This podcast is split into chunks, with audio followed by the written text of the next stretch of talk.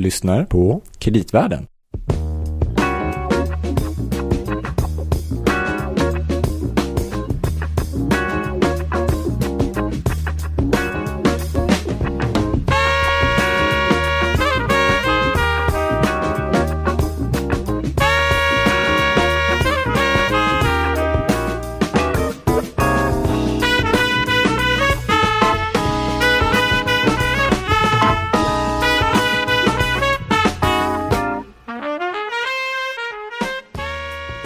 Gabriel, Louis? ses vi igen? Ja, Det var inte så länge sedan sist. nej. Vad kul. Vi måste ju ge lyssnarna det de vill ha. Det är också så här spännande tider. Jag tänker det är så mycket som händer. Mm, Vi måste ju försöka hänga med här i mm. utvecklingen tänker jag. Just det. Du tänker på om det blir ett OS eller inte i Stockholm 2030? Ja, det har jag inte ens funderat på. Nej, okej. Nej. Nej, du ser, det finns mycket. kanske blir nästa avsnitt. Det är kanske inte heller riktigt ämnet för den här podden, för att det här är ju kreditvärlden. Ja. Och här pratar vi ju framförallt om kreditmarknaden och sånt som hör där till. Mm. Av och med Louie och Gabriel, eller hur? Ja, det är precis så. Men noterade du också Gabriel, för jag tyckte det, man hörde nästan en ny signaturmelodi idag. Mm. Ja, det var lite... Det var väl lite spännande. Jag blir alltid lika chockerad faktiskt. Mm. Vet du vad den heter? Nej. Granite and Concrete. Ja, så vi, idag ska vi prata om ett helt nytt ämnesområde Mm. kanske. Precis. Som inte har med så. fastigheter att göra Ja, det kanske har med fastigheter att göra okej. också. också. Därav titeln på den här låten. Mm. Med Blue Mitchell för övrigt. Väldigt bra jazztrumpetare. Det skulle nog Sven-Olof gilla, kan jag Ja. tänka mig. Just det. Du tänker på det avsnittet som är för bara ett par gånger sedan. Gå in på hemsidan så kollar ni så kan ni hitta Sven-Olof. Johansson. Har ni inte lyssnat så gör det. Ja. Ja, nej, men vi pratar ju ofta om fastighetssektorn av olika skäl. Så är det ju. Men sen pratar vi ju om mycket annat också som hör kreditmarknaden till, brukar vi säga. Och en sån här sak är ju det här med sociala utmaningar. Mm. Till exempel. Och ja, det väl, har väl inte undgått någon i det här landet om de problemen vi har inom det området, tänker jag. Så det behöver vi kanske inte orda jättemycket om.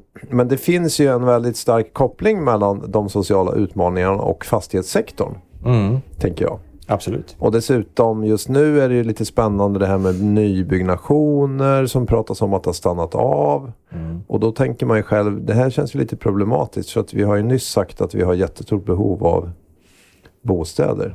Eller hur? Mm. Absolut. Så då borde ju de här spänningarna öka då, tänker jag. Jag lägger till en till faktor och det är väl att ehm, många som investerar i till exempel fastighetsbolag, både skuld och eget kapital, alltså de, som, de är ju ganska intresserade av att alla bolag, men särskilt fastighetssektorn, ska ta ett större socialt ansvar. Ja, Alltså det här med hållbarhet och... absolut. Eh. Den trenden är ju rätt tydlig. Och hållbara obligationer brukar man prata om. Och då pratar man ju om just att det har växt mycket de här sociala obligationerna. som Just ska det. vara knutna till olika sociala mål. Kanske man undrar, men hur gör man det då? Mm. Precis. Du kanske har något exempel? Ja, men jag tänker det, i alla fall är det väl så att det finns ganska mycket vi behöver reda ut Mm. lite här, eller hur? Och då har vi en gäst Ja, som bra. ska hjälpa oss med Ja, det. men det är ju perfekt. Einar Jansson, välkommen hit. Tack så mycket. Vi är väldigt nöjda att ha dig här hos oss. Jag är nöjd över att vara här. Så, väldigt trevligt. Du är VD på ett bolag som heter Titania. Ja, precis. Kan du berätta lite för de som inte vet dels vad Titania är och lite bara vem, hur, vem du är eller hur, hur du kom in i den här branschen? Eh, Titania är ett fastighetsbolag och fastighetsutvecklare. Eh, fokuserar på bostäder i Stockholmsregionen. Vi eh, utvecklar detaljplaner, alltså vi tar, kontrollerar hela värdekedjan. Från att utveckla detaljplanerna tillsammans med kommunerna, sen producera, eh, bygga husen och sen förvalta dem som hyresrätter främst. Så ni är både en utvecklare och en, en ägare av Precis, precis. Och ni finns också på börsen ska jag säga, eller hur? Precis, vi är noterade på First North eh, sedan december 21. Just det. Just det. Mm. Och hur du själv då? Du, du är VD och även huvudägare i bolaget, Precis, jag äger 52 procent av kapitalet och 69 procent av rösterna. Mm. Eh, och jag eh, startade den här verksamheten för 20 år sedan av en slump. Jag pluggade på universitet och eh, jag och en kompis ville tjäna lite extra pengar så vi satte in en annons i DN att vi var experter på att renovera badrum. Det var innan internet-eran. Man satte in Det var det. Man satte in tidningen. annons, precis. Och innan rotreformen. Innan det också, precis. Och eh, eh, lite innan det här hade konsoliderats. Man, eh, eh, mina föräldrar tycker att badrumsrenovering var jättekonstigt. Det var ju någonting man gjorde vart 50 år när badrumsstolen var sprucken och man måste byta Det. Inga, inga lyxrenoveringar på tiden. Nej, men eh, det var väl ungefär då det kom igång det här med att, att renovera ett badrum är mer som att byta ut möblemang. Att det är någonting som man gör för att fräscha upp för att sätta personlig stil på sitt hem. Just det. Eh, så det, var, det var väl tänkt som en tillfällig sak. Men eh, sen så kom eh, så väl möjligheter i det där och expandera det hela. Och eh, så utvecklades det först till att Först att vi gjorde, eller jag gjorde, badrumsrenoveringar då för privatpersoner. Sen utvecklades till att göra stambyten, det vill säga att serierenovera badrum i ett flerbostadshus. Så man har, Istället för att ha 40 olika badrum runt om i Stockholm i olika villor så kunde man ha, renovera 40 badrum i samma flerbostadshus. Det var ju mer effektivt. Eh, från det så började vi eh, med total eh, renoveringar, alltså blåsa ut hela lägenheter. Och sen när vi började eh, bygga upp, få lite eget kapital, så började vi göra egna projekt. Först miniprojekt, bygga, köpa någon råvind, bygga om till lägenhet och sen allt större projekt. Och så fick vi vår första markanvisning från en kommun 2012 i Täby. Och sen dess då så har vi helt gått över till att bara utveckla själv. Så vi arbetar inte som entreprenörer längre. Ja, just det. Och allt ni äger, har ni utvecklat det själva eller har ni förvärvat också? vägen? Eh, vi har en fastighet i Norrtälje som vi faktiskt har förvärvat. Och sen så har vi eh, några mindre fastigheter som egentligen är kassaflödesfastigheter tills detaljplanerna går igenom. Ja, okej. Så, men de ska ju rivas då, när, när det riktiga ska byggas. Men majoriteten är egenproducerat. Just det. Men vi tänkte, det är fascinerande hur det ena liksom leder till något annat. Uh, och nu är, har det blivit ett ganska stort företag av det här ju. Och jag tänkte det skulle vara intressant att prata med dig om är det här med stadsutveckling just i då, om man kallar det för särskilt utsatta områden då. Men i praktiken är det väl egentligen det olika förorter till Stockholm helt enkelt.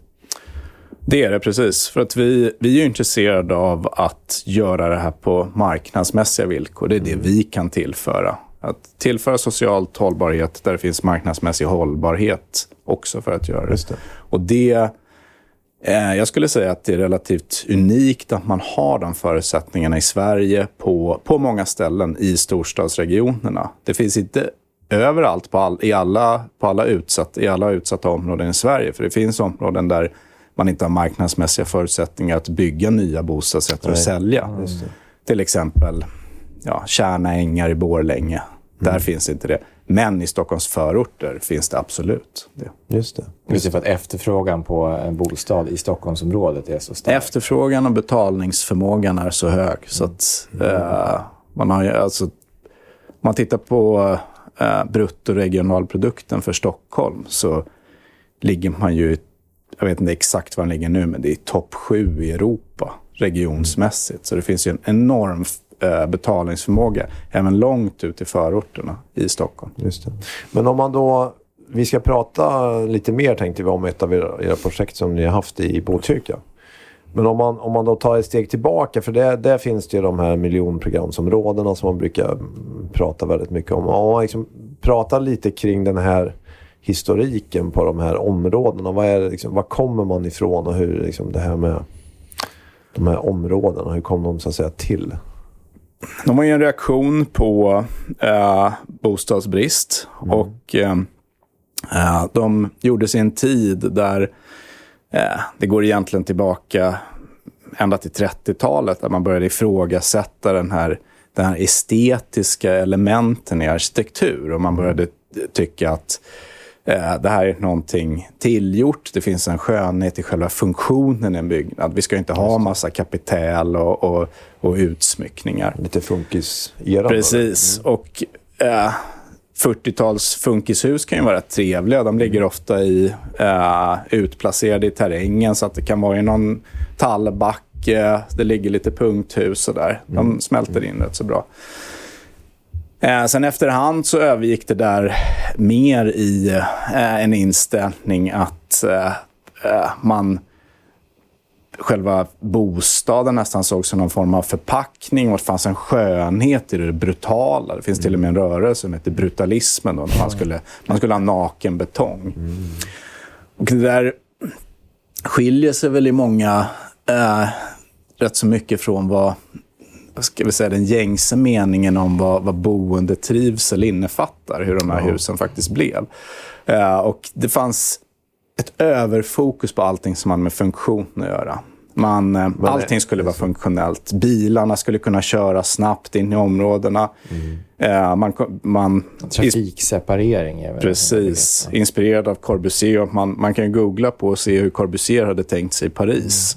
Det var ju stora autostrador med bilar och så var det gångbroar över. All, hela Osmans gamla Paris skulle ju rivas och skulle bara vara stora gigantiska trafikleder och så broar då som gick över det här. Det låter ju som en sorts mardrömsvision. Där man Ja, har, jag eller- tycker eller- det. Ja. Ja. Sen såklart, i deras framtidsvision så var det ju flygande farkoster också då, i, i ytterligare ett plan. Ja, just. Eh, men vad, vad det där blev i realiteten, var ju de här eh, lysrörsupplysta gångtunnlarna, öde, torg med någon betongbänk som, som kännetecknar förorterna. Det var också den här rätt så sterila utemiljön, att man bara man plansprängde allting. Du kan inte läsa eh, den ursprungliga terrängen alls. Planterade samma typ av buskar överallt. Och sen placerade identiska hus i samma höjd eh, utan att... Det fanns ingen känsla för, för människor att identifiera sig med. Det här är min port och det här är min gård och det ser lite annorlunda ut. Det, visst finns det väl ett element av industrialism i det här också? Att man, eh, allting gjordes väldigt, väldigt stor skala, eller hur? Och det var för att få ner priser och sånt där också? Det var det också, absolut. Så att det var ju... eh, ur ett rent produktionsperspektiv så skulle jag nog applåderat Corbusier. Ja, men i och med att man kan åka till en svensk småstad och se ett HSB-hus som är identiskt Ja, med ett precis, på en helt annan precis. ort. eh, Ja. Från den eran. Och det ligger väl en logik i det, tänker jag i och för sig, då, med bra planering och sånt kanske. Att Det bli industriella, i sig, billigt, det liksom. industriella i sig var inget fel på. Nej. Eh, Det tänket måste ju finnas. Det är inte... Att bygga hus hantverksmässigt idag skulle vara otroligt dyrt. Mm. Så den delen var ju bra. Eh, och ja, Det var väl lite det som vi gjorde när vi byggde det här, eh, den här förtätningen och som vi gjorde i det här befintliga miljonprogramsområdet. Att vi byggde ju väldigt industriellt också. Men det såg inte industriellt ut. Man, man fick inte de här negativa delarna som förknippades med det industriella. Ja, just det, just det. Men om vi då tar specifikt Botkyrka, hur kom ni in där då så att säga? Började se på att eventuellt bygga där så att säga? Vi- Bakgrund. Ja, vi kommer ju från en, en bakgrund som byggare. Vi har ju entreprenadbakgrund, så vi kommer inte från, vilket många gör eh, ja, inom fastighetsbranschen. Man kanske kommer från en finansiell bakgrund, en arkitektbakgrund eller en mer säljande, mäklande bakgrund. Så vi kommer ju från att vi har varit entreprenadbolag, så vi, vi kan produktionen.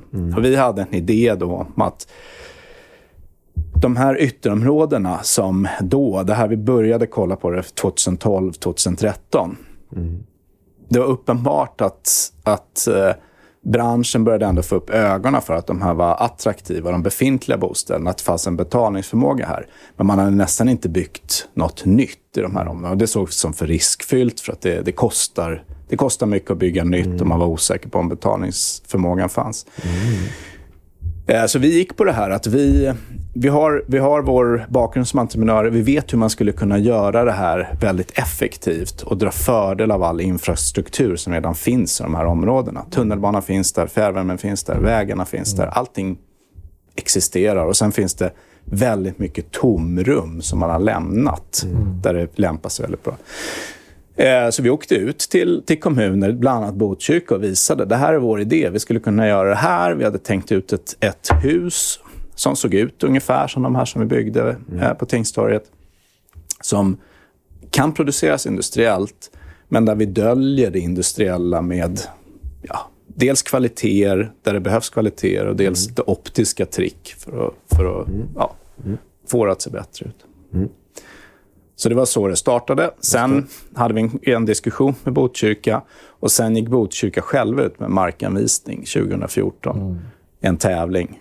Och där var vi med, en av fyra anbudsgivare, och vann den. Just det. Just det. Så ni, alltså, ni hade egentligen inte specifikt tittat på Albyberget som att det här vi ska bygga göra en förändring? Eller ni såg liksom att det här problemet finns på flera delar i Stockholmsregionen och ja. det var ett av dem? Ja, precis. Så var det. Och det är inte så att... Um, var det, tog det mycket övertalning för att få kommunen att gå med? För att det är ju, vissa tycker att det är lite känsligt för att det, det finns någon slags historisk, nostalgisk, även om man har mycket kritik mot de här, hur de är byggda på vissa speciella sätt. Och de grönytorna är kanske tänkta att finnas kvar. Alltså, förstår du vad jag menar? Var det svårt att övertala dem eller var de glada för att ni kom? Alltså det, det här är ju ändå inte ett totalt brott mot det gamla. Mm. Det finns ju... Eh, I Lidingö byggs nu ett projekt som vi också är inne i. Mm. Där man bygger klassisk arkitektur bredvid ett miljonprogram. Mm. Alltså, vi pratar valvbågar och spröjsade okay. fönster och burspråk och allting. Mm. Det är ju mer av ett brott, även om man, man eh, kopplar färgpaletten lite. Men det här sågs inte riktigt så. Som att eh, det var också en rätt så tom plats. Men det fanns absolut en diskussion att ja, men det finns ju kvaliteter i den här bebyggelsen också. Ja visst, men då... Ja, här hämtar vi lite sådär. Just det. Mm. Sen... Ja, om det mer är en sema, semantiska trick, om det faktiskt var så. Men det, ja, det ja. finns väl kanske lite. Och var det krav att det skulle vara bostad, hyresrätter mixat? Eller hur var upp till er själva att bestämma det? Det ursprungliga kravet var att det skulle vara bostadsrätter. För att, okay. ja, för att uh, det fanns uh, nästan bara hyresrätter. JM hade något projekt på 90-talet, rätt så vad jag vad jag har sett rätt så misslyckat då. Där, kanske därför inte gjorde så mycket mer. De lägenheterna på den på andrahandsmarknaden såldes för 15 000 per kvadrat då när vi gick in i det här projektet. Mm. Så det var ju med, byggkostnader ja, på 37 000 per kvadrat så mm. är det uppenbart att det, så, nej, går, det går ihop. Liksom. Och liksom bara så att vi får klart för oss, vad var då så att säga, status på det här området innan ni började bygga? Vad var det för problem man så att säga, hade? Då? Det är ett av Sveriges särskilt utsatta områden. Mm. Så det är inte bara utsatt, utan ett av de särskilt utsatta. Och utsatta områden är, brukar ligga på ungefär sex, eller har legat på de senaste åren runt 60 stycken i Sverige. Mm. Särskilt utsatt är 20 stycken. Mm. Eller drygt 20 stycken. Och så det är stora problem med kriminalitet, drogförsäljning, utanförskap, eh, brist på förtroende för myndigheter, mm. eh, sociala problem, mm. låga inkomster. I princip hela, hela, hela kan ha.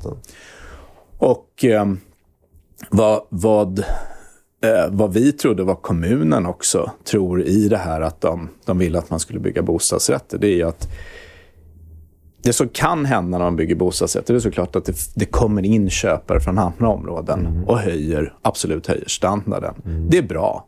Det, men det bästa vore såklart om du hindrar, om du faktiskt hittar köpare från lokalområdet och hindrar en flykt mm. av någon som har lyckats.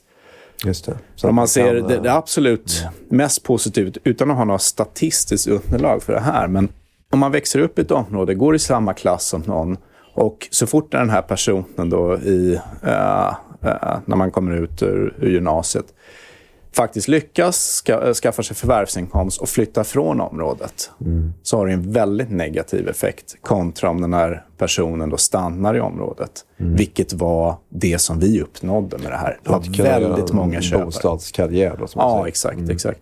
Och vi, eh, vi blev förvånade själva över att det var så många från lokalområdet eh, som hade råd att köpa. Men, men eh, givet liksom, när ni kom dit och de, alla de här problemen som du räknar upp. Det var ingenting, uppenbarligen, det avskräckte inte er. För man skulle ju kunna tro att det här kommer ju inte att vem kommer att vilja, eller vem betalar här en hyra eller köpa en bostadsrätt här med alla de här problemen? Det är den paradox man har i Stockholm. Mm. Att eh, man eh, man har eh, områden som är så problematiska, men du har samtidigt ett sånt bostadsunderskott. Mm. Eh, så att det finns ändå betalningsvilja eh, mm. för det här. Om man jämför med eh, ja, områden i, i USA eller vissa områden ute i Sverige, så där finns bara problemen. Mm. Du, du, har inte betalningsvilja. Ja, just det. Just det. problemet är att det har byggts för lite i uh, framförallt i Stockholm. Mm. I hela Stockholmsregionen under decennier. Men, och sen då för att, så att säga, få lönsamhet i projektet, vad var det då för så att säga hur, hur tänkte ni eller hur, hur la ni upp det hela? Vad var strategin? Liksom? Det är 741 lägenheter totalt mm. uh, och två stycken typhus. Mm. Uh, så det är väl den stora nyckeln i det hela.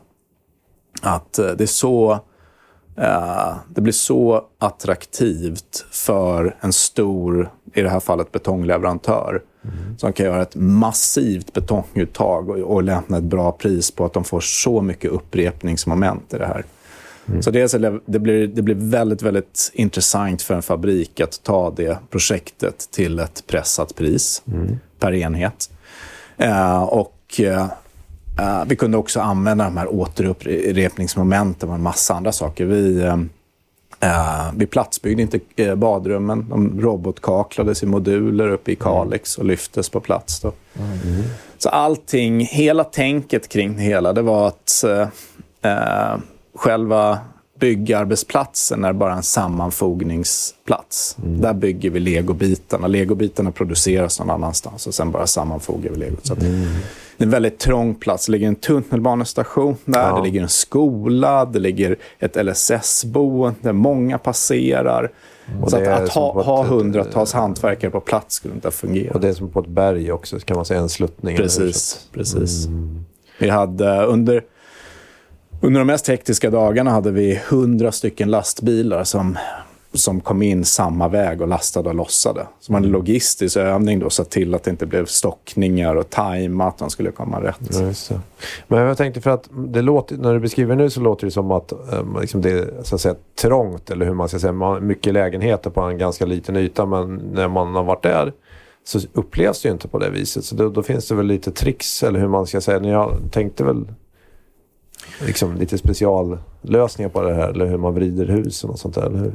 Precis, det är ju sadeltak. Alltså det, ja, det man det som arketypiskt klassiskt för, förknippar med hur ett hus ska se ut. Det är ett, äh, ja, tak, ett sadeltak och så är det en skorsten och så är det balkonger som hänger på. Och det här, äh, ja, det, automatiskt så får du ju en, en känsla av småskalighet. Jag tror om man mm. hade kapat av de här taken kapat av balkongerna, då ser plötsligt området lite mer Hongkong-aktigt mm. ut. Mm. Jag tror att det här förstärker känslan. Sen är det också att eh, sadeltak har ju den fördelen att om du vrider husen, du vrider sadeltaket, så får du en automatisk variation. Bara ja. rent optiskt. Ja, exakt. Precis. För det, för det är det som jag tycker är lite fascinerande. Det är därför jag undrar, tror du själv att er och din bakgrund, liksom just med att hålla på med byggande, är liksom en nyckel till att hitta en lösning då?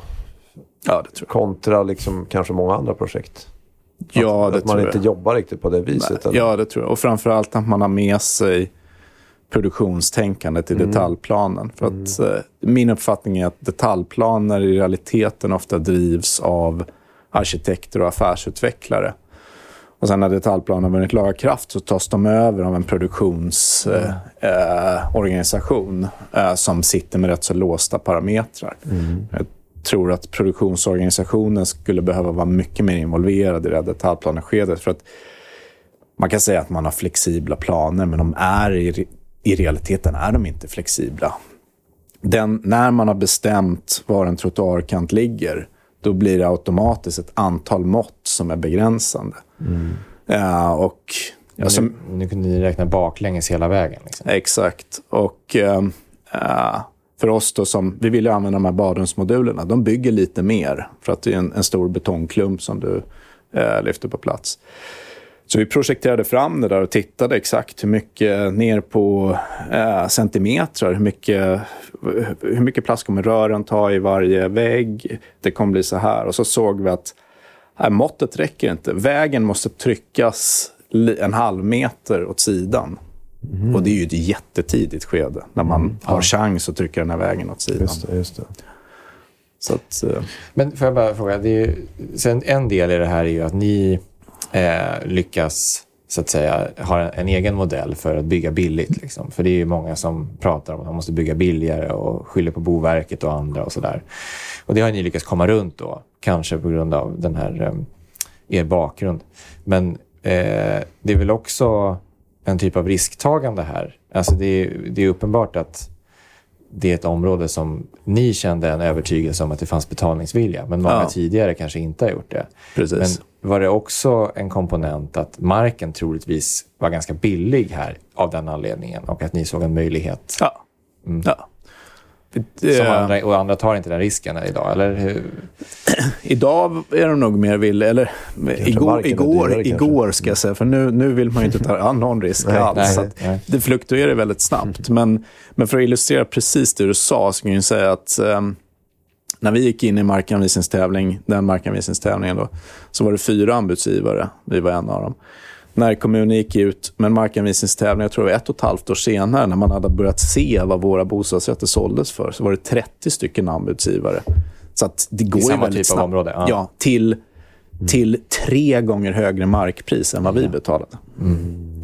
Så det är så lite first mover advantage här också? Exakt. Man, äh, äh, ja, man vill ju vara i det där första området som äh, eh, som uppfattar som dåligt. Varenda gång jag hörde någon som sa att ah, men det där är inget bra område, eh, så tänkte jag inom mig själv, yes, de har fortfarande inte förstått det. det. Liksom. Mm. Men ställde kommunen en massa krav på er, eh, liksom över tid, vad ni skulle göra för området, eller var det bara bygga? För att man pratar ju mycket om Gårdsten till exempel, där man lyckats vända ett särskilt utsatt område eh, och att utvecklingen har blivit bättre. Och då pratar man om det är någon slags helhetsgrepp Kommunen har satsat ganska mycket pengar också.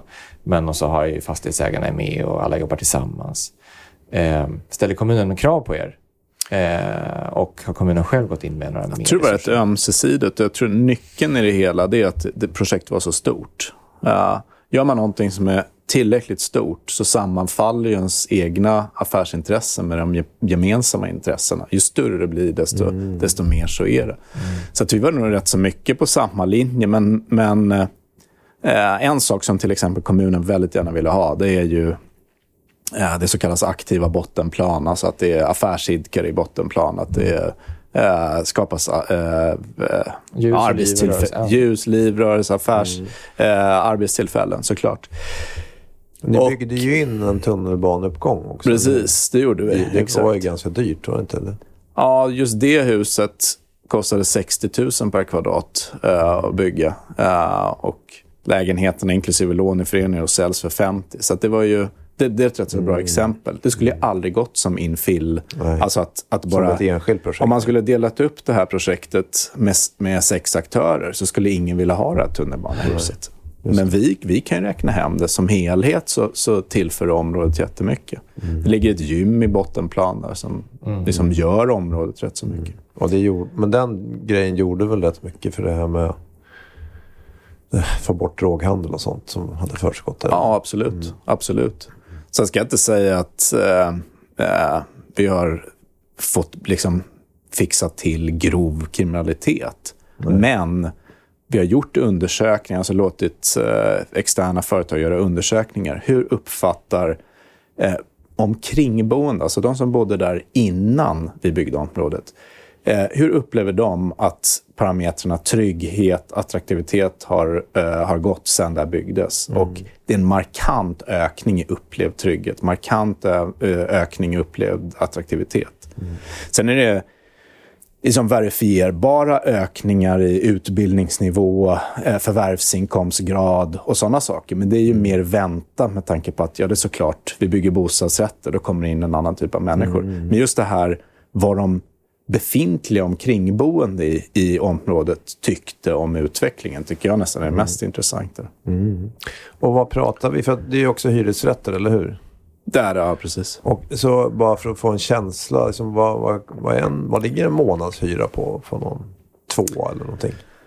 Jag är väldigt små tvåor. Mm. Uh, så att, vi, har, vi har lite större också. Men, men en typisk tvåa i det här beståndet är 36 kvadrat. Mm. Uh, och lite beroende på hur högt upp i huset den ligger och vilka... Det finns vissa, vissa variationer då i mm. ja, faciliteter, stor, hur stor balkongen är och sådär.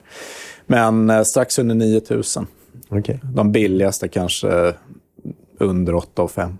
Mm. Och är det idag? Är det kö för att få en lägenhet? Eller hur? Vi lägger ut allting via Stockholms stads bostadskö. Så att den, Stockholms stads bostadskö har ett väldigt bra system eh, där man förmedlar i hela Stockholm, inte, inte bara i Stockholms kommun. Så vi lägger upp allting där och snittkötiden ligger på fem år idag Okej. Mm. Att få lägenheter. Vad är kötiden i... Vet du det? Eh, Övriga Albyberget? Jag tror den är högre. Och eh, ja, bara en gissning skulle vara att den kanske är 7-8 år. Och orsaken är att de lägenheterna är billigare. Ja, Så att, just det. Men även, jag tänker om man jämför med bostadsrätt då, i samma område, om du skulle köpa med och ska en kontantinsats kanske som krävs då, men och så lägger på avgiften så kommer det att komma under de här nio gissningsvis. Just hur det ser ut nu med ränteläget nu har jag inte räknat på faktiskt. Nej, det är klart. Det har upp mycket. den, eh, ja, men, eh, men när det stod klart så var det ju en väldigt stor skillnad. Mm. Jag tror jag räknade på samma lägenhet. Och då, samma lägenhet som man betalade 8 5 i hyra på betalade en bostadsrättsköpare inklusive avgift till föreningen lite drygt 4 000. Mm. Sen ja, var de väl tvingade till en amortering på 2 000 också, men det, är ju- det är ju ett sparande. Men det är ändå en månadskostnad som är, liksom, känns väldigt överkomlig.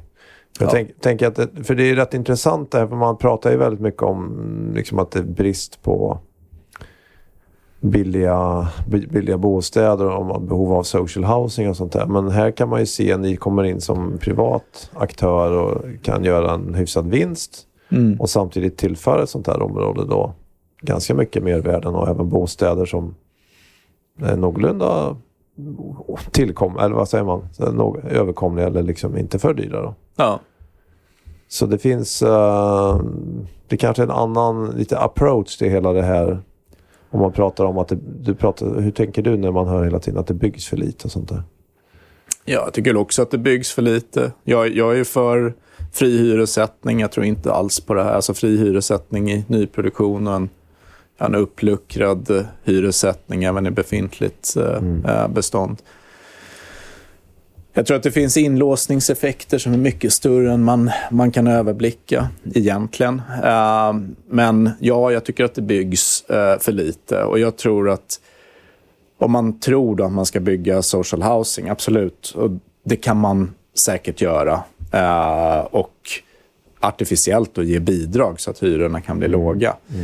Men jag tror det är mycket mer på att låt marknadens aktörer ta risk, precis som ni gjorde. Gå in i de här områdena, addera bostäder. Ju mer bostäder man adderar, desto mindre blir underskottet. Och det i slutändan kommer att leda till att andra lägenheter blir billiga. Det handlar ju om att kanske tömma det befintliga beståndet. Skulle vi addera, säg, säg om vi skulle addera 300 000 förhållandevis dyra lägenheter till Stockholmsområdet, bara om det, vi kunde trolla fram dem idag. Ja, de som hade betalningsförmåga skulle flytta dit. Men vad skulle hända med de lägenheter som lämnades? Det skulle ju bli ett, ett, ett överskott som skulle gagna de här som inte kan betala. Att, att man ska ha någon förväntning att vi genom nyproduktion ska lösa billigt boende, det tror jag är fel väg att gå. Det billiga boendet kommer alltid vara det befintliga beståndet. Särskilt så länge som hyrorna är reglerade. Ja, precis. precis. Sen kan man såklart man kan bygga eh, social housing, eh, men man kommer inte komma under, under så mycket under den byggkostnad vi hade på Tingstorget ändå. Och ja, vi- vill man hyra ut det till eh, i princip ge bort, och det, då får man ju göra det. Men då är ju statliga subventioner mer Det som, blir, som måste till. och fan skulle bli ofantligt dyrt då helt enkelt kan man säga. Ja. Ja. Att lösa det genom nyproduktion känns, ja, känns som fel väg att gå. Ja, ja. Men det är otroligt intressant. Men det skulle ju då också här nu, tänker jag, vara intressant att höra hur du tänker kring hela marknaden just nu. Då. För att nu har det ju hänt så mycket det senaste året. Ja, räntorna har gått upp, det är svårare att få finansiering och sen har vi den här inflationen på byggkostnader på det. Men ändå så såg jag här för någon vecka sedan så skickade du ut någon kommentar att du ser ändå potential här att bygga, bygga nytt. Det, det är inte så många som säger det nu. Nej, uh, och uh, det är såklart så att uh, vi, vi måste bevaka vår likviditet. Vi måste ha mm. finansieringen mm. säkrad. För att det farligaste man kan göra som utvecklare det var att halv, halvvägs in i ett projekt och så tar pengarna slut och då, mm. då är det osäljbart. Så det är en, en farlig situation. alltså det, sånt aktar vi oss för. Men den långsiktiga bärigheten i det här, det bygger ju på andra saker. Det bygger på betalningsförmågan hos mm. stockholmarna, tillväxten i Stockholmsregionen. Mm. Den tror vi på. Eh, bygg produktionspriserna, ja, vi, kan, vi, skulle nog inte handla upp en, en entreprenad idag. Men vi tror om sex månader så tror vi att det kommer vara köparens marknad på att handla upp entreprenader. Så då tänker du, då kommer priserna ha fallit tillbaka delvis? Priserna kommer att falla tillbaka. Eh, eh, materialpriser kan fortfarande vara, vara höga. Men entreprenörerna, eh, jag har själv varit entreprenör i, mm. i lågkonjunkturer 2008-2009. Och vad man gjorde var att man gick ner på nollvinster, man pressade ner allt, allt, allt. Man gick med på, bet, på för beställaren bättre villkor, snabbare mm. entreprenadtid, högre kvalitet, mängder av saker. Så att, mm. ja, jag, tror att, eh, jag tror att man kan göra bra upphandlingar eh, mm. ja, med start om sex månader. Mm. Och även, det är inte helt så att säga dött på finansieringsmarknaden utan det går också att få finansiering till inte, för, som... inte dött för hyresrätter i Stockholm, vad jag mm. ser. Mm. Uh, och uh, jag tror ju på en annan sak också. Det är att uh, den som vågar bygga i den här marknaden och då kommer ut när alla andra har pausat sig, kommer ut med färdiga bostäder 2025, 2026. Eh, då kanske man ja, relativt nu har... Man borde ha ett ännu större underutbud än, än vi har idag. Ja, just det. Och dessutom då så kan man motivera en hög förstagångshyra. För att vi vet vilka det är bara att titta på entreprenadindex, att produktionskostnaderna har gått upp, räntekostnaderna har gått upp. Mm. Och därför kan vi motivera en högre förstagångshyra. Just det. Skulle vi bygga i områden där man inte har betalningsförmåga, som man inte har. I vissa delar av Sverige så ligger mm. hyresrätterna på marknadsprisnivåer. Mm. Där finns inte utrymme att höja mer. Men i Stockholm så handlar det mer om hur mycket kan vi motivera enligt den reglerade marknaden. Just det. Ja, så jag, jag, tror mm. att eh, för rätt projekt, för hyresrätter uh, och rätt gjorda så tror jag att det fortfarande finns möjligheter att göra bra mm. affärer. Och även är det så att till exempel då byggrätter, att köpa sånt det kan också vara så att det har kommit ner i pris nu så att då kan man komma in på en lägre kostnad där också kanske. Absolut. Sen är det ju också att uh, uh, våra avtal är till största delen kommunala markanvisningsavtal. De är indexerade så att mot bostadsrättsprisindex. Mm. Uh, så att vi, vad, vad innebär har, det då? Ja, det innebär att uh, vi tillträdde ett projekt i Rågsved uh, nu, ja, nyss det här som du läste om i mm, pressmeddelandet. Mm. Mm. det, det projektet kostade oss i markpri, markpriset var 11% lägre än om vi hade tillträtt det projektet i februari 2022. Mm. Bara på indexnedräkningen. Då, mm. för att in, index, bostadsrättsindex, mäklarindex har gått ner. Okej. Okay. Just det. Vad intressant. Men det beror väl också på, jag bara tänkte på det här du sa, det, finansieringsmixen spelar väl också viss roll för om det går att göra det här som du sa. Absolut. Bygga någonting och som det, om det är lönsamt 2025, 2026. Ja. Så att skulle räntenivåerna hålla sig kvar på de nivåer som det är nu och inte komma ner som många ändå tror, utan det skulle vara som Riksbanken säger, att räntan håller sig hög ja. i tre, fyra år framåt. Stämmer det fortfarande att det är lönsamt och intressant? så att säga?